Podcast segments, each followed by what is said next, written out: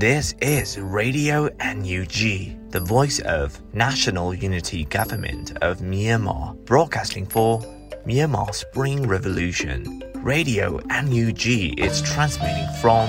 shortwave 16 meter 17.79 megahertz at 8:30 a.m. and 25 meter 11.94 megahertz at 8:30 p.m. Myanmar Standard Time. မင်္ဂလာပါခင်ဗျာ အမျိုးသားညီညွတ်ရေးအစိုးရရဲ့အတန်လွင့်ဌာန Radio NUG ကို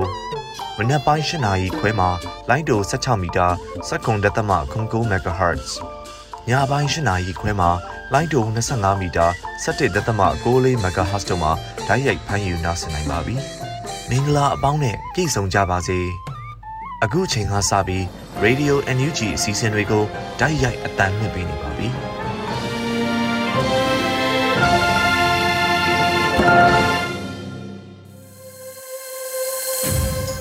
မြန်မာနိုင်ငံသူနိုင်ငံသားအပေါင်းတဘာဝပြီးဆရာနာရှင်ပေတို့ကနေကင်းဝေးပြီးကိုစိတ်နှပါပေးကင်းလုံခြုံကြပါစေလို့ရေဒီယိုအန်ယူဂျီဖွယ်သားများကဆုတောင်းမြတ်တာပို့သလာရပါတယ်ရှင်။အခုချိန်ကစပြီးပြည်တွင်းသတင်းများကိုတော့အေရီမှဖတ်ကြားတင်ပြပေးပါမယ်ရှင်။မင်္ဂလာပါရှင်အခုချိန်ကစပြီး Radio NUG ပြည်တွင်သတင်းတွေကိုတင်ပြပေးတော့မှာဖြစ်ပါတယ် အခုတင်ပြပေးမယ့်သတင်းတွေကိုတော့ Radio NUG သတင်းတာဝန်ခံနေနဲ့ခိုင်လုံတဲ့မိဖက်သတင်းအရင်းမြစ်တွေကနေအခြေခံထားတာဖြစ်ပါတယ်ကျွန်မကတော့ Airy ပါရှင်ပထမဆုံးအနေနဲ့တော်လန်မပြတ်ရက်တည်နေသော CDN အမေများနေ့စဉ်နဲ့အမျှမထင်မရှားရုန်းကန်နေရသောအမေများအားလုံးကိုလေးစားဂုဏ်ပြုလိုက်ပါတယ်လို့ဝန်ကြီးဒေါက်တာဒုခောင်ပြောဆိုလိုက်တဲ့သတင်းကိုတင်ပြပေးပါမယ်။ မေလ၈ရက် Happy Mother's Day မှာတော်လန်ရေးကာလမှာမိသားစုနဲ့ခွဲခွာပြီးကိုယ်တိုင်ပါဝင်လှုပ်ရှားနေသောအမေများတော်လန်ရေးမှာပါဝင်နေတဲ့မိသားစုများအတွက်သားသမီးစောလင်းယောက်ျားစောအိမ်ထောင်အရေးအပါအဝင်နိုင်ငံအရေးပါစိတ်မောလူမောနေရသောအမေများဒုက္ခပေါင်းများစွာကိုကြံ့ကြံ့ခံလျက်တော်လန်မပြတ်ရက်တည်နေသော CDN အမေများနေ့စဉ်နဲ့အမျှမထင်မရှားရုန်းကန်နေရသောအမေများအားလုံးကိုလေးစားဂုဏ်ပြုလိုက်ပါတယ်လို့ အမျိုးသားညီညွတ်ရေးအစိုးရတယံဇာတနဲ့တဘာဝပတ်ဝန်းကျင်ထိန်းသိမ်းရေးဝန်ကြီးဌာနပြည်ထောင်စုဝန်ကြီးဒေါက်တာတူးခေါင်ကလူမှုကွန်ရက်မှာရေးသားပြောကြားခဲ့ပါတယ်။2021ခုနှစ်ဖေဖော်ဝါရီလ1ရက်နေ့စစ်အာဏာသိမ်းပြီးနောက်ပိုင်းအကြမ်းဖက်စစ်တပ်ကလူပေါင်း1825ဦးကိုတပ်ဖြတ်ခဲ့ရမှာပြည်သူလူထုမိသားစုဝင်တွေတားတဲ့အမေတွေပါဝင်ခဲ့ကြတာလည်းဖြစ်ပါတယ်ရှင်။ ဆက်လက်ပြီးအမျိုးသားညီညွတ်ရေးအစိုးရကာကွယ်ရေးဝန်ကြီးထံတရင်တရင်စာလက်နက်တပ်ဆင်ပေးဖို့ဘိုးနဂါတောင်းဆိုလိုက်တဲ့သတင်းကိုတင်ပြပေးပါမယ်။မေလ10ရက်နေ့မှာအမျိုးသားညီညွတ်ရေးအစိုးရကာကွယ်ရေးဝန်ကြီးဦးရီမွန်ထံမြမတော်ဝင်နဂါတက်တော်မှဘိုးနဂါကတရင်တရင်စာလက်နက်တပ်ဆင်ပေးဖို့အိတ်ဖွင့်ပေးစာနဲ့တင်ပြတောင်းခံလိုက်တယ်လို့သတင်းရရှိပါတယ်။ NUG အစိုးရဖွဲ့စည်းပြီးနောက်ကာကွယ်ရေးဝန်ကြီးဌာန MOD တွင်လည်းတပ်ရင်းတပ်ဖွဲ့များစနစ်တကျပေးသွင်း၍အတိမတ်ပြုပူးပေါင်းပါဝင်ခဲ့ပြီးလည်းဖြစ်ပါတယ်။ယခုအချိန်တွင်စစ်ကောင်စီဘက်မှကျွန်ုပ်တို့ဒေသအားဦးတည်၍ခြေမုံနိုင်ရေးထိုးစစ်ပြင်ဆင်စတင်နေသည့်အနေအထားတစ်ခုအားရင်ဆိုင်နေရချိန်လည်းဖြစ်ပါတယ်။ တို့ဖြစ်ပါ၍2022ခုနှစ်မတ်လ23ရက်နေ့ဝန်ကြီးဦးရင်မွန်နဲ့ကျွန်ုပ်တို့တွေ့ဆုံဆွေးနွေးစဉ်က MRDA ၏စည်ရင်သွင်းတက်ရင်များအားလုံးတက်ဆင်ဖို့ရန်မဖြစ်နိုင်တော့လေတရင်စာတက်ဆင်ခြင်းကိုမူထိုနေ့မှစ၍တလအတွင်းတက်ဆင်ပေးမည်ဟုကတိပေးထားသည့်အတိုင်းအမြန်ဆုံးတာဝန်ယူတက်ဆင်ပေးပါရန်လေးစားစွာတင်ပြတောင်းဆိုအပ်ပါတယ်လို့ဘိုးနဂါကဆိုထားပါတယ်ရှင်။ အခုတခါအမှတ်လေးထုံခါအကျဉ်းစခန်းကိုပြည်သူ့ကာကွယ်ရေးတပ်ဖွဲ့တွေဝင်ရောက်စီးနင်းချိန်မှာစစ်ကောင်စီတပ်က3ဦးသေဆုံးနိုင်ခဲ့တယ်ဆိုတဲ့သတင်းကိုတင်ပြပေးပါမယ်။မေလ10ရက်နေ့မနက်9:00နာရီအချိန်တနင်္သာရီမြို့နယ်တိန်ခွန်းကျေးရွာအုပ်စုစစ်ကောင်စီရဲ့စင်ဖြူရှင်လေးထုံခါအကျဉ်းစခန်းကိုပြည်သူ့ကာကွယ်ရေးတပ်တွေဝင်ရောက်စီးနင်းတိုက်ခိုက်ခဲ့ရမှာစစ်ကောင်စီတပ်က3ဦးသေဆုံးနိုင်ခြင်းရှိတယ်လို့တနင်္သာရီ Defense Force ကအတည်ပြုပြောပါတယ်။ ထိတွေ့မှုမှာပြည်သူ့ကာကွယ်ရေးတပ်မတော်ရဲ့ပူးပေါင်းအဖွဲ့မှတအူးကြဆုံးခဲ့တယ်လို့သိရှိရပါတယ်။ထုံခအကျဉ်းစခန်းဟာရေပြူစစ်ပြူဟာနဲ့၃မိုင်ခန့်ကွာဝေးတဲ့အကျဉ်းစခန်းတစ်ခုဖြစ်တယ်လို့သိရှိရပါတယ်ရှင်။ဆက်လက်ပြီးရန်ပိတ်တာချိန်30ခန့်ထဲသွင်းပြုလုပ်ထားတဲ့မိုင်းဘလူးနှလုံးနဲ့ YDF ထီလင်းကတိုက်ခိုက်မှုကြောင့်စစ်ကောင်စီတပ်သားအနည်းဆုံး10ဦးလောက်သေဆုံးသွားတယ်ဆိုတဲ့သတင်းကိုတင်ပြပေးပါမယ်။ မေလ9ရက်နေ့မှာထီလင်းမြို့နယ်စေမင်းတော်ရဲစခန်းကနေစခန်းစွန့်ခွာရွှေ့ပြောင်းလာတဲ့ရဲအင်အား40ခန်းနဲ့အင်အား80ခန်းပါစစ်ကောင်စီတပ်မ17ပူးပေါင်းစစ်ကြောင်းကိုနေ့လယ်တနာရီ45မိနစ်ခန့်ဇီတော်ကျေးရွာအနီးတွင် YDF ထီလင်းမှရန်ပိတ်သားချိန်30ခန့်ထဲသွင်းပြုလုပ်ထားသောမိုင်းဘလူးနှလုံးဖြင့်မိုင်းဆွဲတိုက်ခိုက်ခဲ့ရာစစ်ကောင်စီတပ်သားအနည်းဆုံး10ဦးခန့်တေဆုံးနိုင်ပြီးအများအပြားထိခိုက်ဒဏ်ရာရရှိနိုင်ပါတယ်လို့ဖော်ပြပါတယ်။ အဆိုပါမိုင်းဆွဲတိုက်ခိုက်မှုကို YDF ထီလင်းရဲ့ဝါရက်မိုင်းဆရာဘိုလင်းပါကြီးကအနီးကပ်ကုတ်ကဲခဲ့တာဖြစ်ပြီး drone နဲ့မှန်ပြောင်းအသုံးပြုကကင်းထောက်ခဲ့တယ်လို့လည်းသိရှိရပါတယ်ရှင်။အခုဆက်လက်ပြီးကရင်နီတပ်မတော်ကဘိုးရှိရဲဦးစီးပြီးရှားတော်မြို့အရှိဘက်ချမ်းတန်လွင်မြစ်ပြီးတာတမောစခန်းထိုင်စစ်ကောင်စီတပ်ခမရ428ကိုဝင်ရောက်တိုက်ခိုက်ခဲ့ချိန်မှာဒုတက်ရဲမှုအပါအဝင်6ဦးကြာဆုံးခဲ့တဲ့တဲ့တင်ကိုတင်ပြပေးပါမယ်။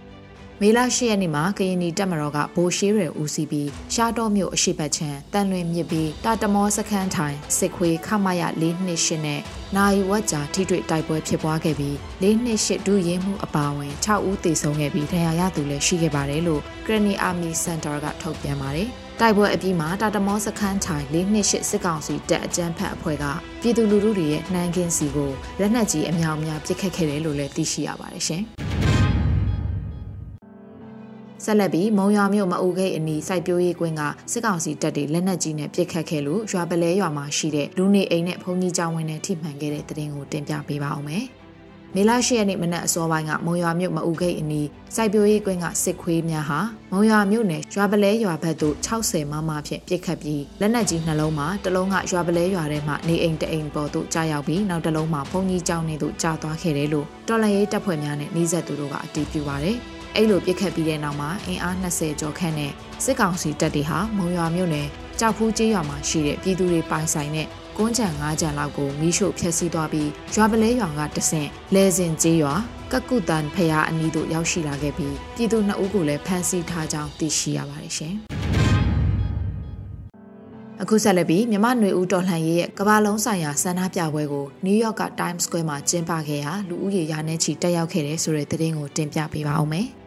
မြမနွေဦးတော်လှန်ရေးရဲ့ဒုတိယလှိုင်းအဖြစ်ကမ္ဘာလုံးဆိုင်ရာဆန္ဒပြပွဲကို American ပြည်ထောင်စုနယူးယောက်မြို့မှာရှိတဲ့ Times Square မှာမေလ9ရက်နေ့ညနေ3နာရီကနေ9နာရီအထိကျင်းပခဲ့ရမှာလူဦးရေရာနဲ့ချီတက်ရောက်ခဲ့တယ်လို့သတင်းရရှိပါတယ်။ကမ္ဘာလုံးဆိုင်ရာဆန္ဒပြပွဲကို NYCBC New York City Burmese Community အဖွဲ့ကဦးဆောင်ပြီးပြည်သူ့ဆန္ဒနဲ့ပြည်သူသားအထူးကအာနာရှင်စနစ်ဟာမြန်မာပြည်နဲ့ကမ္ဘာပေါ်မှာလုံးဝလုံးဝမရှိစေရတော့ဘူး တတိုင်းပြည်လုံးတွန်းလှန်နေတာဒီတစ်ချိန်ဟာငါတို့အောင်ပွဲစတဲ့ကြွေးကြော်သံတွေနဲ့အတူဆန္ဒပြလှုပ်ရှားခဲ့ကြပါတယ်။ဆန္ဒပြပွဲကို American ပြည်ထောင်စုမှာရောက်ရှိနေတဲ့မြန်မာပြည်ပွားတိုင်းရင်းသားညီကိုမောင်နှမတွေပါဝင်တက်ရောက်ခဲ့တယ်လို့သတင်းရရှိပါတယ်ရှင်။ဆက်လက်ပြီးမင်းကင်းမြို့နယ်တန်ပေါက်နဲ့စင်ကလေးကြီးရွာတွေကိုစစ်ကောင်စီကမီးရှို့ဖျက်ဆီးခဲ့တာကြောင့်ရွာသားတွေတောတွေကိုထွက်ပြေးတိမ်းရှောင်နေရပြီးစားဝတ်နေရေးခက်ခဲနေကြတယ်ဆိုတဲ့သတင်းကိုတင်ပြပေးပါဦးမယ်။။ စကိုင်းတိုင်းမင်းကင်းမြို့နယ်တွေကတန်ပေါက်စင်ကလေးပင်မုတ်တာအစရှိတဲ့ရွာတွေမှာရွာလုံးကျွတ်နီးပါမီးရှို့ဖျက်ဆီးခံထားရတာကြောင့်ဒေသခံရွာသားတွေဟာစားဝတ်နေရေးနဲ့စေဝါအရေးတကြီးလိုအပ်နေပါတယ်။ဧပြီလ26ရက်နေ့ကမင်းကင်းမြို့နယ်စင်ကလေးရွာထိပ်တိုက်ပွဲမှာဒေတာရင်း PDF တွေကစစ်သား21ယောက်ကိုရှင်းလင်းခဲ့ပြီးနောက်မှာတန်ပေါက်နဲ့စင်ကလေးရွာတွေကိုစစ်ကောင်စီကအကြမ်းဖက်မီးရှို့ခဲ့တာပါ။ဒီအကြောင်းနဲ့ပတ်သက်ပြီးမင်းကင်းဒေသခံတအူးကအခုလိုပြောပြပါဗျာ။ ဆုံးရှုံးမှုအနေအထားကတော့ အတော်လေးကို ဇင်ဂလဲက များပါတယ်ဗျ။တောင်သူကြီးတွေ ဖြစ်သည့်အတွက်အခုကစားဝတ်နေရေးတွေရော အကုန်လုံးခက်ခဲတော့တာပေါ့ဗျာ။သူတို့ နေရထိုင်ရဆိုရင် တောတွေတောင်တွေထဲမှာ မိုးကာလေးတွေ ဟိုကအပိုင်းအဆုတ်ဒီကအပိုင်းအဆုတ်အပိုင်းလေးတွေနဲ့သူတို့အဆင်ပြေအောင်နေကြတယ်။ကိုယ့်ကျေးရွာကိုဒီလိုလာရောက်ပြီးတော့ဒီလိုလုပ်မယ်လွယ်မယ်ထင်တော့သူတို့တွေကအဝတ်တထည်ကိုယ်တခုပုံစံမျိုးလေးတွေနဲ့ရှောင်တိမ်းရတဲ့အခါကျတော့ဘာမှလည်းထွေထူးစား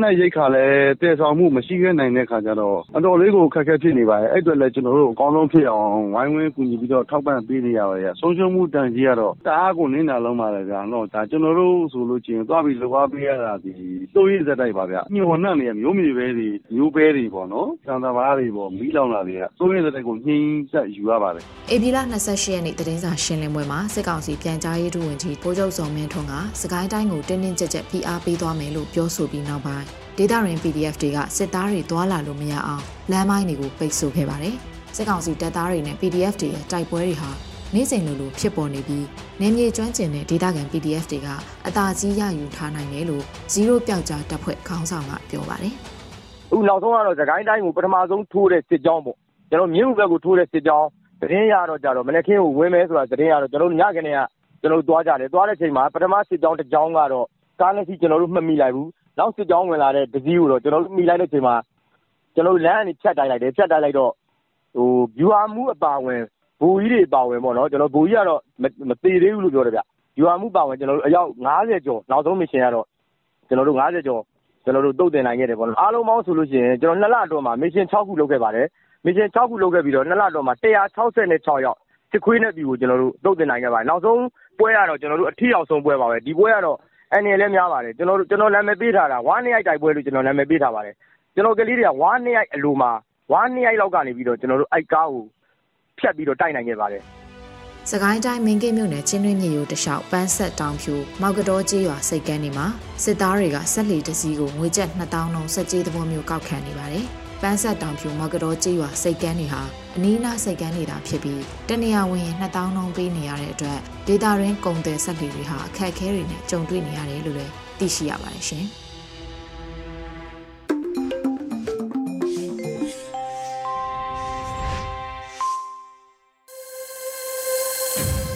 ရေဒီယိုအန်ယူဂျီရဲ့ညပိုင်းစီစဉ်တွေကိုဆက်လက်တင်လွှင့်ပေးနေပါတယ်။အခုဆက်လက်ပြီးထိန်နင်းရဲ့ငါတို့မှာငါတို့ရှိတဲ့စောင်းမမှတ်21ကိုထုတ်လွှင့်ပေးတော့မှာဖြစ်ပါတယ်ရှင်။ကိုမရွေးမဲ့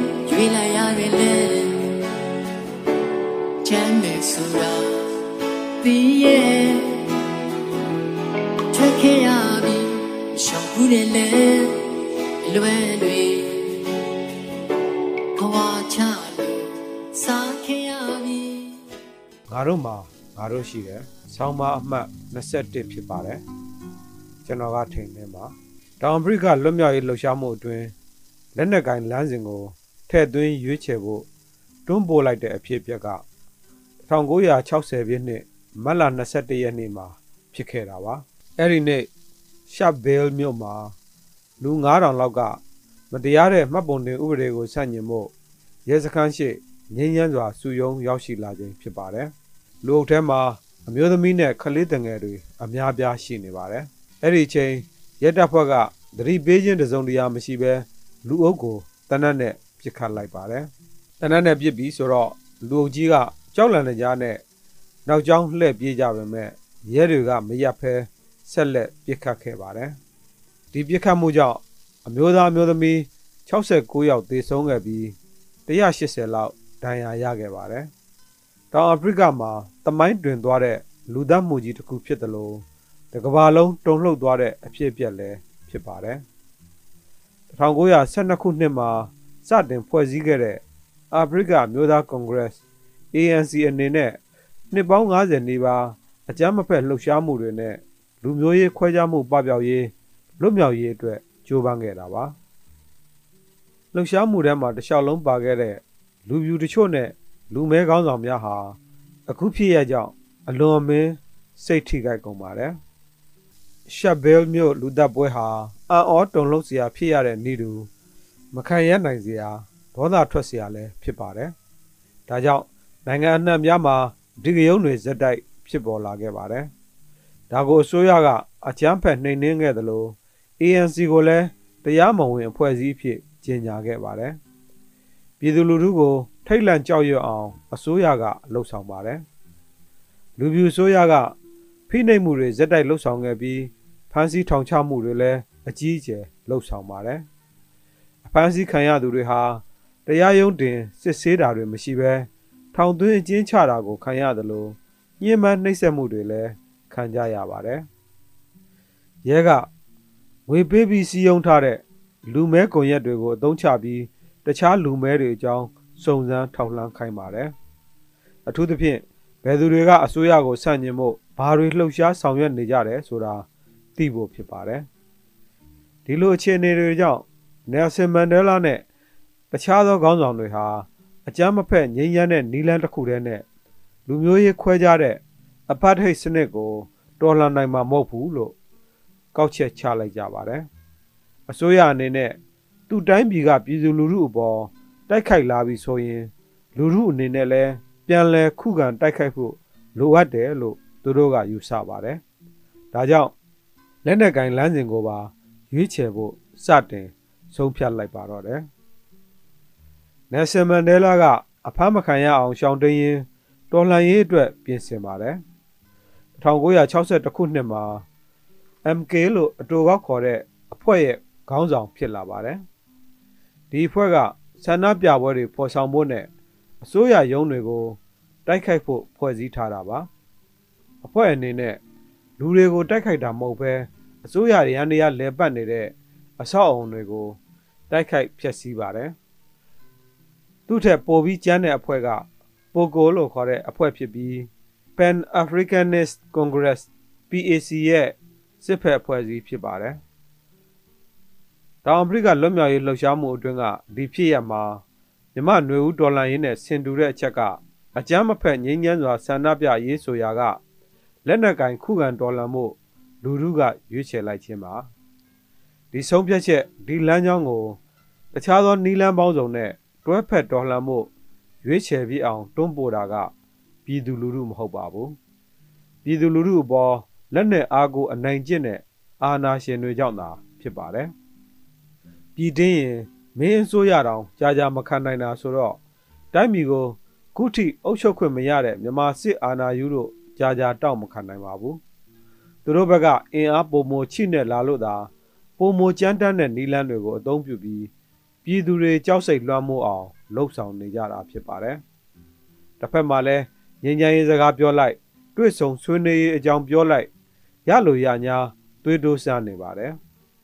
ဆီယနာယူတွေရဲ့အနေအထားဟာယောဂဆုံးနေတဲ့လူတစ်ယောက်ဝေဒနာကိုလက်မခံသလိုဇွတ်ညင်းနေတဲ့ပုံဖြစ်နေပါတယ်သူတို့အနေနဲ့အာနာအတွက်ဆိုရင်ဘာပဲလုပ်ရလုပ်ရပြည်သူကိုအထင်သေးတဲ့စိတ်မလေးစားမညှာတာတဲ့စိတ်တွေပဲလွှမ်းမိုးနေပါတယ်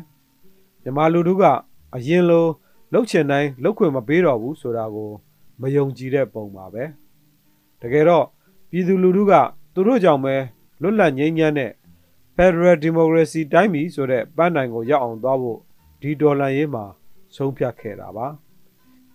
ဒီဆုံးဖြတ်ချက်ကို အကောင့်ထဲပေါ်နေသူတွေကလည်းသိမ့်နဲ့တန်းနဲ့ခြိတဲ့သူတွေပါဒေါ်လာရေးဆိုတာအထိခိုက်တွေအရင်နည်းတွေရှိပေမဲ့လွတ်လပ်ရေးတိုက်ပွဲအပြီးအရှိကြဆုံးဒီကနေ့တိုက်ပွဲရဲ့အဖြစ်ဟာပြည်သူတွေကိုယ်တိုင်ရဲ့ဇွဲလုံလတတ္တိအသိဉာဏ်တွေနဲ့ပေါင်းစပ်ပြီးပေါ်ထွက်လာမှာဖြစ်တာကြောင့် မလွဲမသွေနိုင်မှာဖြစ်ပါတယ်မြန်မာပြည်သူများခင်ဗျာလက်တွေတွဲလေမြဲခိုင်လေပိုပြီးခရီးတွင်လေဖြစ်ပါတယ်အားငယ်ဖို့မလိုပါဘူးငါတို့မှာငါတို့ရှိပါတယ်ကျေးဇူးတင်ပါတယ်ခင်ဗျာအနုချေကိုင်းတဲ့လက်တွေကို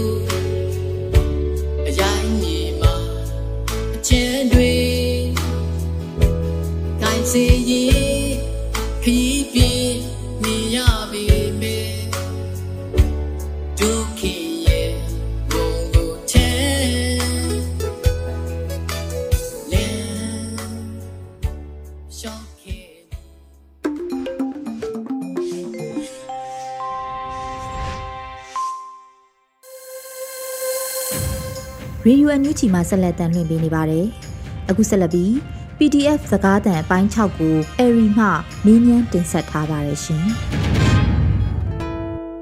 The bone count him no le pyong me PDF to go go မင်္ဂလာပါရဲဘော်ကြီးပထမဆုံးပေါ့နော်ရဲဘော်ရဲ့နာမည်နဲ့ဘယ်လိုမျိုးတာဝန်ကိုထမ်းဆောင်နေလဲဆိုတာကိုသိပြရစီရှင်မင်္ဂလာပါရဲဘော်ပိုင်ချူဖြစ်ပါတယ်အခုကျွန်တော်ကတောင်ပိုင်းတိုင်း စစ်တနာချုပ်ရဲ့အရှိတော်နာရဲ့ကော့ဘရာစစ်ကြောင်းရဲ့ရဲဘော်တရားပေါ့ဗျာဟုတ်ကဲ့ပါဒီနွေဦးတော်လိုင်းမှာပေါ့နော်ဘယ်လိုခံယူချက်တွေနဲ့စပြီးတော့ပါဝင်ဖြစ်ခဲ့ပါလဲနောက်ပြီးတော့ဒါ PDF ရဲဘော်တို့အဖြစ်ကိုဘယ်လိုမျိုးရောက်ခဲ့တာလဲဆိုတာလေးလည်းဆက်ပြီးတော့ပြောပြပေးပါအောင်ကျွန်တော်ဒီနွေဦးတော်လိုင်းမှာဘယ်လိုခံယူချက်နဲ့ပါဝင်ခဲ့လဲဆိုလို့ရှင်ပါနော်ဒီအာနာတိတ်တဲ့အချိန်ကျတော့ဖုန်းလိုင်းတွေမမိတဲ့အခါကျွန်တော်မသိသေးဘူး လူတိုင်းကအဲ့ဒီနေ့မှတယောက်တစ်ပေါင်းနဲ့ဆန်တွေဘာတွေဝယ်နေတဲ့အချိန်တို့ဘာတို့ကနေပြီးတော့ပေါ့နော်အဲ့နဲ့ကျွန်တော်အဲ့ဒီအာနာသိမ့်ပြီးတော့3ရက်လောက်မှကျွန်တော်လိုက်မေးကြည့်တယ်ပေါ့နော်အာဒီစစ်တပ်ကအာနာသိမ့်နေပေါ့နော်သူတို့အမေစုဖမ်းဆီးထားတဲ့ဒီကျွန်တော်တို့လွတ်တော်ကိုယ်စားလှယ်တော်တော်များများဖမ်းဆီးထားတယ်အဲ့ရနေပြီးတော့ကျွန်တော်တို့တွေဆန္ဒတွေထုတ်ဖော်ခဲ့တယ်အဲ့ဒီဆန္ဒထုတ်ဖော်တဲ့အချိန်မှာလည်း အဲ့ဒီဆန္ဒထုတ်ဖော်တဲ့လူတွေတခြားလုံးကိုသူတို့ဖမ်းဆီးတယ်တက်ဖြတ်တယ်စစ်ကြောရေးမှာတင်တေသွားတဲ့လူတွေအများကြီးရှိတယ်အဲ့ရနေပြီးတော့ကျွန်တော်တို့တွေ defend တွေစောက်တယ်ပေါ့နော် defend တွေစောက်တယ် defend တွေမှာလည်းညာမအေးရနေမအေးရဒီလိုပေါ့တက်တာဒီကျွန်တော်တို့စစ်သားပုံစံလိုမျိုးညာမအေးရနေမအေးရအချိန်လေးပေါ့နော်ကျွန်တော်ဘကူတာပါအဲ့ရနေပြီးတော့လုံးဝမမတ်ရရဆိုလို့ရှိရင် ဘကူရဲ့ကိုရဲ့နေ့တည်းဆိုအရန်တတိရတယ်ပေါ့ဘာလို့လဲဆိုတော့ကျွန်တော်ရဲဘော်တွေလည်းတတိရတယ်အဲ့ဒီနေ့ကဆိုကြာဆုံးခဲ့ရတဲ့တငယ်ချင်းတွေဆိုလို့ရှိရင်အများကြီးပဲဗျာအဲ့မှာကျွန်တော်တမဟာတော့ရောက်သွားသေးတယ်တမဟာတော့ကနေပြီးတော့ပေါ့နော်ဖောက်ခွဲတင်တာတတ်တယ်နဲ့ဖောက်ခွဲတင်တာမှလည်းအစင်မပြေမှုတွေအများကြီးရှိတယ်ပေါ့ဗျာ အဲ့ရနေပြီးတော့ PDF တင်တန်းနေပေးနေပြီဆိုတော့ကျွန်တော်လည်းစစ်သားတယောက်ဖြစ်ချင်တာ哦ကိုကိုခံယူချက်နဲ့ကိုဆိုတော့ကျွန်တော်ခုကျွန်တော်တောခုမယ်ဆိုပြီးတော့တွေးလိုက်တယ်အားနဲ့ကျွန်တော်လွန်မြောက်နေမျိုးရောက်လာခဲ့ပေါ့နော်တင်တန်းကဘယ်လိုလာမလဲတင်တန်းကဘယ်အချိန်မှလုံးမလဲတင်တန်းကဘာလဲပေါ့နော်အားနေပြီးတော့တလနေပါလားအဲ့ဒီလွန်မြောက်နေမြေမှာနေရသေးတယ်အဲ့ဒါနေပြီးတော့ကျွန်တော်တို့ PDF အပတ်စဉ်ရှစ်မှာကျွန်တော်လူငယ်တယောက်အနေနဲ့ပါဝင်ဖြစ်ခဲ့တယ် ကျွန်တော်အဲ့ရနေတင်တန်းပြီးသွားတဲ့အချိန်မှာစေတင်တန်းတွေလည်းတက်တယ်ဒီကွန်မတိုတင်တန်းတွေလည်းတက်တယ်ပေါ့နော်အခုဆိုလို့ရှင်တော့ကွန်မတိုတယောက်လည်းဖြစ်နေပြီစေတက်သားတယောက်လည်းဖြစ်နေပြီပေါ့ဗျာ။အော်ဟုတ်ကဲ့ပါ။ဒါဆိုရင်ဒီတော်လန်ရေးတက်သားဘဝမှာကြုံခဲ့ရတဲ့ဒါအတွေ့အကြုံတွေနဲ့အခက်အခဲတွေကိုလည်းဆက်ပြီးတော့ဝေမျှပေးပါဦးတော်လိုင်းတက်တာဘွားနဲ့တောက်လျှောက်တွေးကြုံခဲ့ရတဲ့အတွေ့အကြုံဆိုလို့ရှိရင်တင်တန်းမှာမြင့်စားရတဲ့အတွေ့အကြုံဒါပေမဲ့မြင့်မကြိုက်ဘူးလို့တော့မဟုတ်ပါဘူးကြိုက်တယ်ကျွန်တော်တို့စေရေးပြတွေပါပြီးသွားလို့ရှိရင် ညှစ်ရှာရတယ်လေညှစ်ရှာတဲ့အဖွဲတက်တက်ထင်းရှာတဲ့အဖွဲတက်တက်ဒီလိုပေါ့ရေကတော့ဟိုဘက်နာတင်ဟိုဘာပြရတာဆိုတော့ဘာမှတူတူတူတူပြောကြမလားအဒီကနေအတီရွက်ရှာရတဲ့လူတို့ဘာလို့တက်တက်ရှိတယ်ဗျာအားနဲ့ကျွန်တော်ဘာပဲလောက်ရလောက်ရကျွန်တော်မြစ်ပဲရှာတယ်ဘာလို့လဲဆိုတော့အမြစ်ရှာရတာအရန်ပြောတယ်တောင်ပေါ်တက်သွားလိုက်တောင်ပေါ်တက်သွားလို့ရှင်အဲ့ဒီတောင်ပေါ်ထဲမှာမြစ်တွေရှာအဲ့ဝါပိုးလေးတွေရှိတယ်ဟာပျော်စရာကြီးအဲ့လိုတော့အသွေးကြုံတွေတော့ရှိတာပါဗျာ။ ဟုတ်ကဲ့ပါရှင်။ရဲဘော်တို့ရဲ့ဒီ Cobra စစ်ကြောင်းကအခုနောက်ပိုင်းမှာဆိုလို့ရှိရင်ပေါ့နော်ဒီပြောင်မြောက်တဲ့စွမ်းရည်တက်တည်နဲ့အတူဒါစစ်ကောင်စီကိုတော်တော်လေးအထိနာစေအောင်စွမ်းဆောင်နိုင်နေတဲ့ဒါပြည်သူအသေးကျော်တပ်ဖွဲ့တစ်ဖွဲ့ဖြစ်လာတယ်ပေါ့နော်။ဒီအတွက်ကိုလည်းဂုဏ်ယူပါတယ်။နောက်တစ်ခုကအခုလိုမျိုးဂုံဆောင်နေတဲ့တပ်ဖွဲ့တစ်ခုဒါစစ်ကြောင်းတစ်ခုတွေကရဲဘော်တွေရဲ့ဒီစာဝတ်နေရေးနဲ့ပတ်သက်ပြီးတော့လည်းပြည်သူတွေကသိချင်နေကြပါတယ်။ဒါကိုလည်းပြောပြလို့ရလို့ရှင်ပြောပြပေးပါအောင်ရှင်။အခုစားဖို့တောက်ဖို့အချိန်ကြီး ဆိုလို့ရှိရင်တော့အခုကာလာကြီးဆိုတော့တိုက်ပွဲဖြစ်နေတဲ့ကာလာကြီးဖြစ်နေတဲ့အခါကျတော့အခုပေါ့နော်မိုးရင်းလဲမိုးရင်းလဲရောက်တော့မယ်ပေါ့နော်အဲ့ဒီအတွက်ကိုရိတ်ခါလုံလုံလောက်လောက်လဲရှိတက်လောက်တော့ရှိတယ်ဗျာအရင်ဒီရဲဘော်တွေအကုန်လုံးအတွက်တော့ဒီရိတ်ခါလုံလုံလောက်လောက်တော့မရှိဘူးဗျအဲ့ဒီအတွက်ကိုအဲ့ဒီကတော့အဆင်ပြေလားမေးလို့ရှရင်တော့မပြေဘူးပေါ့ဗျာအဲ့ဒီအတွက်ကိုဘာလိုအပ်လဲဆိုလို့ရှိရင်တော့ ဒီရိတ်ခါ6တို့ဒီဟိုပါပေါ့ရိတ်ခါ6တို့ဘာတို့တော့လိုအပ်တာပေါ့ဗျာကျွန်တော်တို့နေရာမှာဆက်ဖြားပေါ့နော်ဆက်ဖြားမိတယ်ဒါပေမဲ့ငှက်ဖြားစီလုံလုံလောက်လောက်မရှိဘူးငှက်ဖြားစီလုံလုံလောက်လောက်မရှိဘူးကျွန်တော်ဆိုလို့ရှိရင်အနည်းဆုံး ငါးခါလောက်ဖြစ်ဘူးတယ်ငှက်ဖြားပေါ့နော်အားမလို့ငှက်ဖြားဒီမိုးရင်းရောက်တော့မယ်ဗျမိုးရင်းရောက်မယ်ဆိုတော့ဆေးလေးလည်းလုံလုံလောက်လောက်မရှိတဲ့အခါကျတော့အဲ့တော့ဆေးလေးတွေပါလေးလည်းထောက်ပံ့ပေးပါလို့ကျွန်တော်တရားနေပြီးတော့တောင်းဆိုချင်ပါတယ်ဟုတ်ကဲ့ပါရှင်ရဲဘော်တို့ကပေါ့နော်ဒီလိုမျိုးတောထဲကိုရောက်လာခဲ့တယ်ဆိုတော့မိသားစုတွေကလည်းဒီအဝေးမှာကြံ့နေခဲ့ကြမှာပဲလေဒီလိုဆိုတော့ဒါသူတို့တွေရောအခုလက်ရှိမှာဘယ်လိုမျိုးအခြေအနေတွေနဲ့တွေ့ကြုံရင်ဆိုင်နေရလဲဘယ်လိုအခက်အခဲတွေရှိလဲဒါလေးတွေလည်းပြပြပေးပါအောင်ရှင် ကျွန်တော်မိသားစုတွေအစတော့တော့အဆင်ပြေတာပါဗျာအခုကျတော့အဆင်လုံးဝမပြေဘူးကျွန်တော်ခံယူချက်နဲ့ကျွန်တော်ဝင်ပြီးတော့ပုံတွေပါတင်တယ်ပေါ့ဗျာအားနဲ့ကျွန်တော်မိဘတွေလည်းပြေးရတယ်ပေါ့ဗျာပြေးရတယ်အိမ်မှာလာရှာတယ်ပေါ့အဲ့ကနေပြီးတော့မင်းသားကိုနင်တို့ပြန်မခေါ်လို့ရှိရင်ဘာလို့နင်တို့အိမ်ကိုပိတ်မယ်တို့ဘာလို့တော့ချင်းချောက်တယ်ပေါ့အဲ့ဒီလိုတော့မိဘတွေကတော့အခုတည်းကတော့ပုံရှောင်နေရတာပေါ့ဗျာတခြားရဲဘော်တွေရောဒီလိုမျိုးအလားတူပေါ့နော်မိသားစု တွေကဒီလိုပြဿနာတွေတွေ့ကြုံနေရတာမျိုးတွေရောရှိသေးလားပြောပြပေးပါအောင်အခုကျွန်တော်ရဲဘော်တွေတိုက်ပွဲဝင်နေတဲ့ရဲဘော်တွေကျွန်တော်တင်ငယ်ချင်းတော်တော်များများတွေသူတို့လည်းသူတို့မိဘတွေစိတ်ပူတာပဲကျွန်တော်လည်းကျွန်တော်မိဘတွေစိတ်ပူတာပဲဒါပေမဲ့တချို့မိဘတွေလည်းပြေးရှောင်နေရတာရှိတယ်တချို့မိဘတွေလည်းအစင်မပြေးရရှိတယ်အဲ့ဒီအတွက်ကိုကျွန်တော်တို့လည်းတနိုင်တလောက်ထောက်ပံ့တယ်အခုဆိုလို့ရှိရင်ပေါ့နော် ဒီမိဘတော်တော်များများကမပြေလည်မှုတွေအများကြီးရှိတယ်ဘာလို့လဲဆိုတော့တာဒီကဲဝင်နေတဲ့အလောက်ကိုင်းတွေသူတို့မှအလောက်ကင်တွေရက်ထားတယ်စားတောက်ဖို့တောင်မှတနေ့အနိုင်နိုင်လုံနေရတဲ့လူတွေလည်းအများကြီးရှိတယ်ပေါ့ဗျာဒါ PDF ထဲရောက်နေတယ်ဩမသားလေးဒီလိုပါဝင်နေရတာပဲကြီးစုတင်ပါတယ်ဆိုပြီးတော့ပြောနေတဲ့မိဘတွေလည်းရှိတယ်ပေါ့နော် ဟုတ်ကဲ့ပါရဲဘော်ကြီးအခုဆိုရင်ဒါဒေါ်လန်ရေးပေါ့နော်ဒီနယူးဒေါ်လန်ရေးရဆိုရင်လည်းတစ်နှစ်ပြည့်သွားပြီပြီပေါ့နော်ဒီပေါ်မှာရောဗာပြောချင်လဲနောက်ပြည်သူတွေရောပြောပြပေးချင်တာလေးရှိရင်လည်းပြောပေးပါအောင်ဒီຫນွေဦးတော်လိုင်းပေါ်မှာပေါ့နော်အခုတစ်နှစ်ပြည့်သွားပြီပေါ့တစ်နှစ်ပြည့်သွားတဲ့အပေါ်မှာပြောင်းလဲမှုတွေအများကြီးရှိလာတယ် CDN ဒီဆိုလို့ရှင်လည်းနည်းနည်းလေးတော့တောက်ခံပေးထားကြပါပေါ့နော်အခုဆိုလို့ရှင်လည်းမင်းအွန်လိုင်းဆိုလို့ရှင်လည်းကျွန်တော်တို့အသေးကြောက်နေပြီပေါ့နော်အဒီဟာလေးတော့ပြောချင်တယ် နောက်ဆုံးအနေနဲ့ပြည်သူတွေကိုပြောချင်တာကကျွန်တော်နည်းနည်းလေးတော့တောက်ခံထားပြီးပါပေါ့နော်ကျွန်တော်တို့လည်းကျွန်တော်လည်းရောက်ရနေရနေပေါ့နော်တာဝန်ထမ်းရွက်ပါမယ်လို့ကျွန်တော်ကိုကျွန်တော်ကတိပေးပါတယ်ပြည်သူလူထုကိုလည်းအကောလုံးကျေးဇူးတင်ပါတယ်အရင်လည်းချစ်ပါတယ်ပြည်သူလူထုရှိလို့ပေါ့နော်ကျွန်တော်တို့ဒီလိုရက်တီလို့ရတာပေါ့ပြည်သူလူထုကမရှိလို့ရှင်ကျွန်တော်တို့အနေနဲ့ဘလို့မှရက်တီလို့ မရတဲ့အရာတစ်ခုကြီးဖြစ်နေပါတယ်အားလုံးကိုပြည်သူလူထုကိုလည်းအရန်ကိုကျေးဇူးတင်ပါတယ်ဗျာဟုတ်ကဲ့ပါရှင်မတရားမှုကိုခေါင်းငုံမခံမဲနဲ့တော်လန်ရေးအောင်စိတ်တစ်ခုတည်းနဲ့ပဲမိဘရှင်ဝင်ကနေထွက်ခွာပြီးတော့တော်လန်ခရီးချက်မှာရာသီဥတုဒဏ်တွေကိုအန်တုရင်းနဲ့ကြုံလာတဲ့ဒုက္ခတွေကိုပြောစရာအသွင်တမင်လောက်ယူရင်းနဲ့ကြမ်းတမ်းတဲ့ဘဝနဲ့အသားကျအောင်စူးစမ်းနေကြရှာတဲ့ ပြည်သူချစ်စစ်သားကောင် PDF ရဲဘော်လေးတွေရဲ့စွန့်လွတ်အနစ်နာခံမှုတွေဟာအခုဆိုရင်တဖြည်းဖြည်းနဲ့အရာထင်လာခဲ့ပါပြီ။အနုတဲ့အကိုင်းနဲ့လက်တွေနဲ့ဆီအာနာရှင်ရဲ့ကြမ်းကြုတ်ရက်ဆက်မှုတွေကိုတွန်းလှန်တိုက်ခိုက်ရင်အားလုံးလိုချင်တဲ့ Federal Democracy နိုင်ငံတော်ကြီးကိုဖန်တီးပုံဖော်တည်ဆောက်နေကြတဲ့ PDF ရဲဘော်တွေအားလုံးဘေးရန်ရကင်းကြပါစေ။တရားသောစစ်ပွဲတိုင်းအောင်နိုင်ကြပါစေလို့ဆုတောင်းပေးလိုက်ရပါတယ်ရှင်။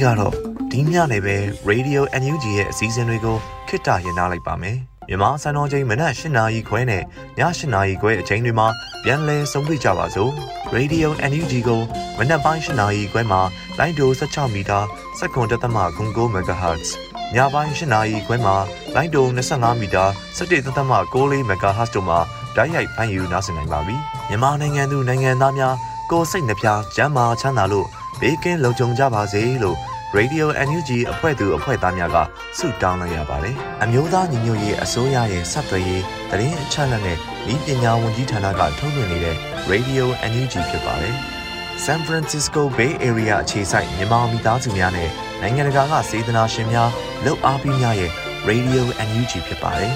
။အရေးတော်ပုံအောင်ရမည်